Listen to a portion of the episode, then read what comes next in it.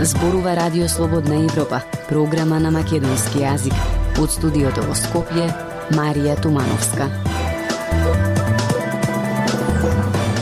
Добре дојдовте во емисијата. Во неа ке слушате. По бугарското вето, македонските граѓани со поделени очекувања за европската перспектива. Владата ја продава Славија за 218.000 евра, вреди 20 милиони, обвинија од ВМРО ДПМНЕ. Власта тврди дека најубавото е веќе продадено. Од светот анализираме колку долго Украина може да ја издржи евентуалната руска инвазија. Независни вести и анализи за иднината на Македонија на Радио Слободна Европа и слободнаевропа.мк. Започнуваме со емисијата. Македонските граѓани имаат поделени мислења за тоа дали Македонија и Бугарија ќе ги надменат отворените прашања во следниве 6 месеци.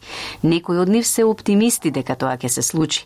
Други пак не веруваат дека воопшто некогаш ќе станеме членка на Европската Унија.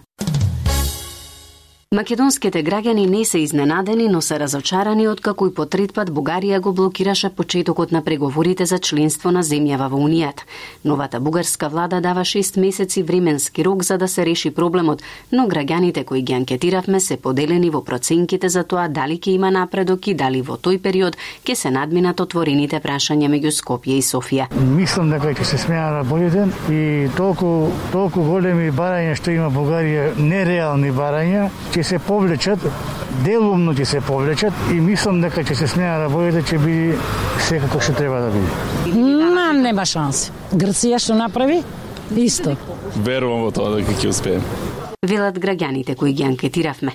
Македонските власти постојано го подгреваат оптимизмот дека е можен почеток на преговорите со Унијата и надминување на проблемот со Бугарија. Од Софија пак постојано повторуваат дека нивната позиција е непроменета.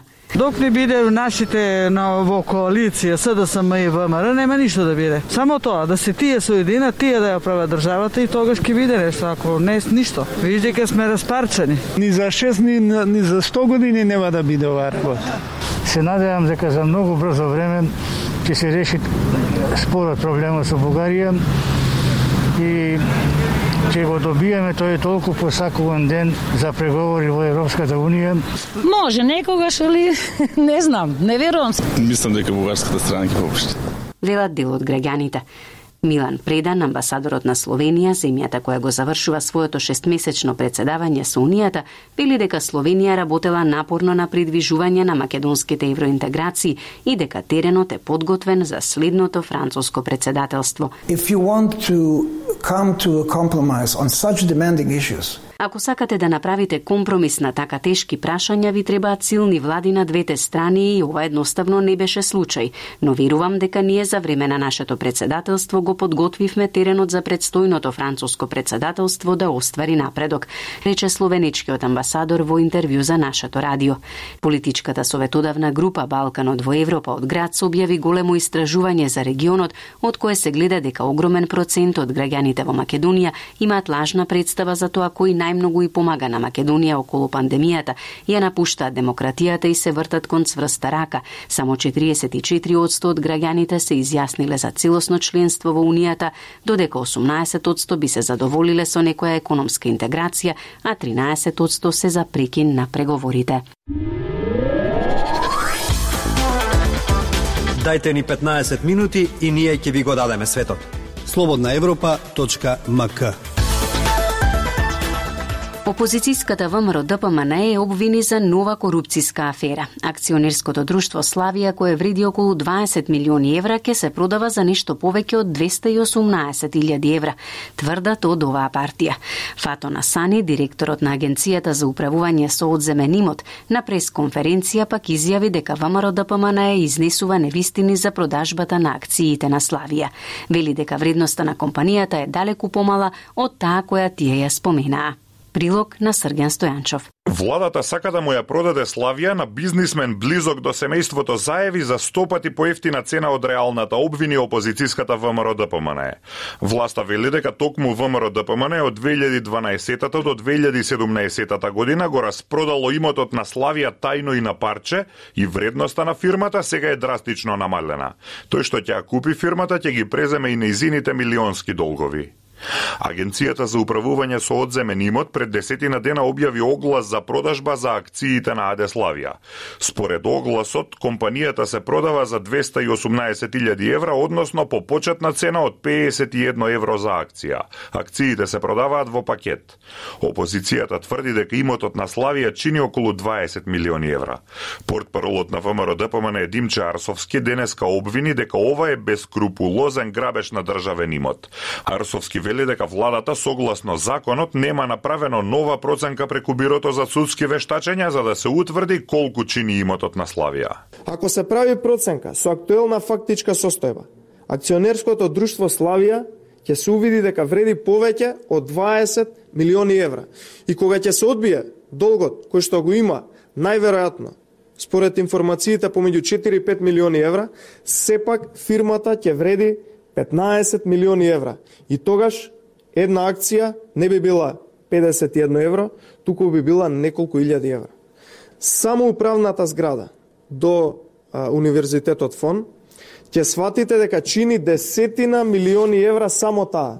Директорот на Агенцијата за управување со одземен имот Фато Насани вели дека Славија пред 10 години на вистина вредела 20 милиони евра, но оти токму власта на ВМРО ДПМН од 2012 до 2017 година тајно и на парче ги распродала најатрактивните имоти на оваа фирма. На таков начин е распродаде над 70% од имотот на Славија и денеска има само управна зграда, магазини и земјиште во Киселава, да рече тој. Асани нагласи дека тој што ќе ја купи фирмата треба да ги преземе и милионските долгови. Вредноста на компанијата денеска е далеку помала заради фактот што во меѓувреме во периодот од 2012 до 2017 година имотот на Аде Славија е распродаван на парче и тајно, потенцирам на парче и тајно, по цени далеку пониски од неговата вредност. На тој начин по за државата неповолни и ниски цени се распродавани повеќе десетици дучани и најатрактивни локали, некогашни маркети на Славија, во Скопје и низ целата држава. Чисто за илустрација, голем дел од тие ексклузивни локации и дучани денес е собствеништво на компанијата Тинекс, како и на други приватни компании. Асани сепак признава дека нема извршена нова проценка на имотот и вели дека проценката се прави во моментов. Актуелности свет на Радио Слободна Европа. Од светот, пресметките покажуваат дека вооружените сили на Украина се квалитативно подобри отколку што беа пред 7 години. Па како би се покажале во случај на голема офанзива на руските сили кои се концентрираат на границата. Пренесува Гоце Атанасов. Голема руска воена инвазија врз Украина, во која се вклучени околу 130.000 војници со цел одземање на делови на Украина за вградување во руската држава. Ова сценарио објавено пред повеќе од 18 месеци беше дел од воена вежба спроведена од страна на американската think tank организација Rand Corporation. Иако не е сеопфатна анализа, таа е слика на воените капацитети на Русија во источна Украина. И додека ово извештај некои понови воени анализи ги истражуваат руските оперативни тактики, далеко помалку се има поглед на другата страна на проблемот. Колку долго можат вооружените сили на Украина да се одржат против поголемите и помокни руски воени сили. Русија ќе најде на стабилна и трајна армија што и да реши да прави Путин, вели Глен Грант, пензиониран артилериски офицер на британската армија кој служил како советник на украинската војска. Заканата се случува веќе 8 години. Ние не ја отфрламе уште од 2014 година. Русија треба да се очекува да искористи секоја ситуација во секој момент, вели генерал Александар Павлјук, командант на Сдружените оперативни сили во борбата против сепаратистите. Се проценува дека сега Украина има вкупно околу 150.000 војници. За операцијата на Сдружените сили во Донецк и Луганск се проценува дека ќе бидат необходни 30 до 35.000 војници. Тие со застарено оружје и опрема и со мала флота на стари хеликоптери и борбени авиони, чија ефикасност е доведена во прашање, најверојатно ќе бидат збришани брзо во случај на голем нов руски упад, велат експертите. Русите научија многу од нивните операции во Сирија и тие продолжија да реформираат својата армија, изјави Александар Виндман, поранешен офицер на армијата на Соединетите држави, додавајќи. И американците научија многу, но предноста се уште е во полза на Русија. Украинското купување на турските беспилотни летала Байрактар, кои одиграа одлучувачка улога во минатогодишниот конфликт во Нагорно Карабах меѓу Азербејџан и Арменија, го привлече вниманието на руските сили, иако е малку веројатно дека тие ќе имаат одлучувачка улога. Се зависи од тоа што се подразбира под издржи, вели Тор Буквол, норвешки експерт на прашањето колку долго украинските сили би можеле да се одржат против руската инвазија. Ако тоа значи одбивање на напад, тогаш веројатно многу малку или воопшто не – Ако мислите да продолжат да се бораат како организирана сила, тогаш веројатно неколку денови или недели, но и во тоа се сомнувам, вели тој. Култура и уметност на Радио Слободна Европа. Од културата, 70 на дела, главно слики и цртежи и две видеа од периодот на делувањето на групата Зеро од крајот на 1990 години ја чинат ретроспективната изложба и во огнот штомке за пролети на македонскиот уметник Перица Георгиев Пепси, што од 21 декември ќе се одржи во Чифте Амам во Националната галерија. Деталите за оваа изложба од колегата Лјупчо Јолевски.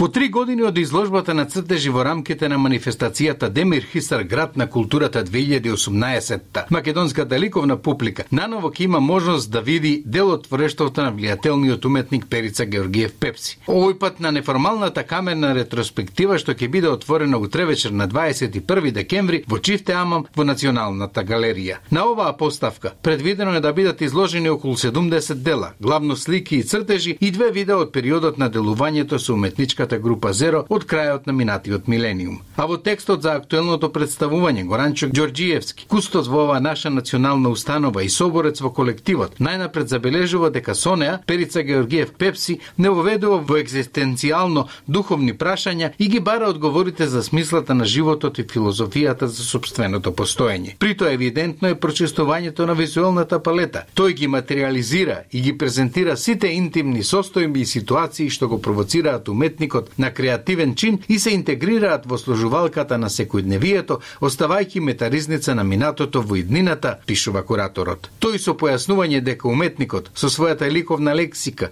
говори за внатрешниот импулс и надворешната експресија, дека неговите дела представуваат интимно имагинарен дневник, плот на личен белек и единство, кое сведочи за творечката енергија како слика на неговата душа и сензибилитет, додека возвишеното, трансцендентното, својата форма ја наоѓа во динамика сликата на потегот, формата, бојата, светлината. За Пепси сликата е простор за преиспитување на емоционалното присуство на човекот и на потрагата по личната вистина и суштината на постоење. Од тука во овие негови дела може да се откриат елементи од подсвеста, психата и потиснатите чувства, каде духот продуцира слика. Обликувањето на сликата вклучува два процеса – несвесните и свесните активности. Акумулацијата на овие елементи го представуваат човекот кој со сознанијата и искуствата се изградува во личност, сушност. Перица Георгиев преку своите дела говори за животот и го слави постоењето. Вели Ѓорѓиевски. Перица Георгиев Пепси е роден во 1957 година во Скопје. Израснал во семејство кое што ја поддржувало неговата индивидуалност, насочена кон светот на боите, звуците, вибрациите, невидливата суштина на дворешното,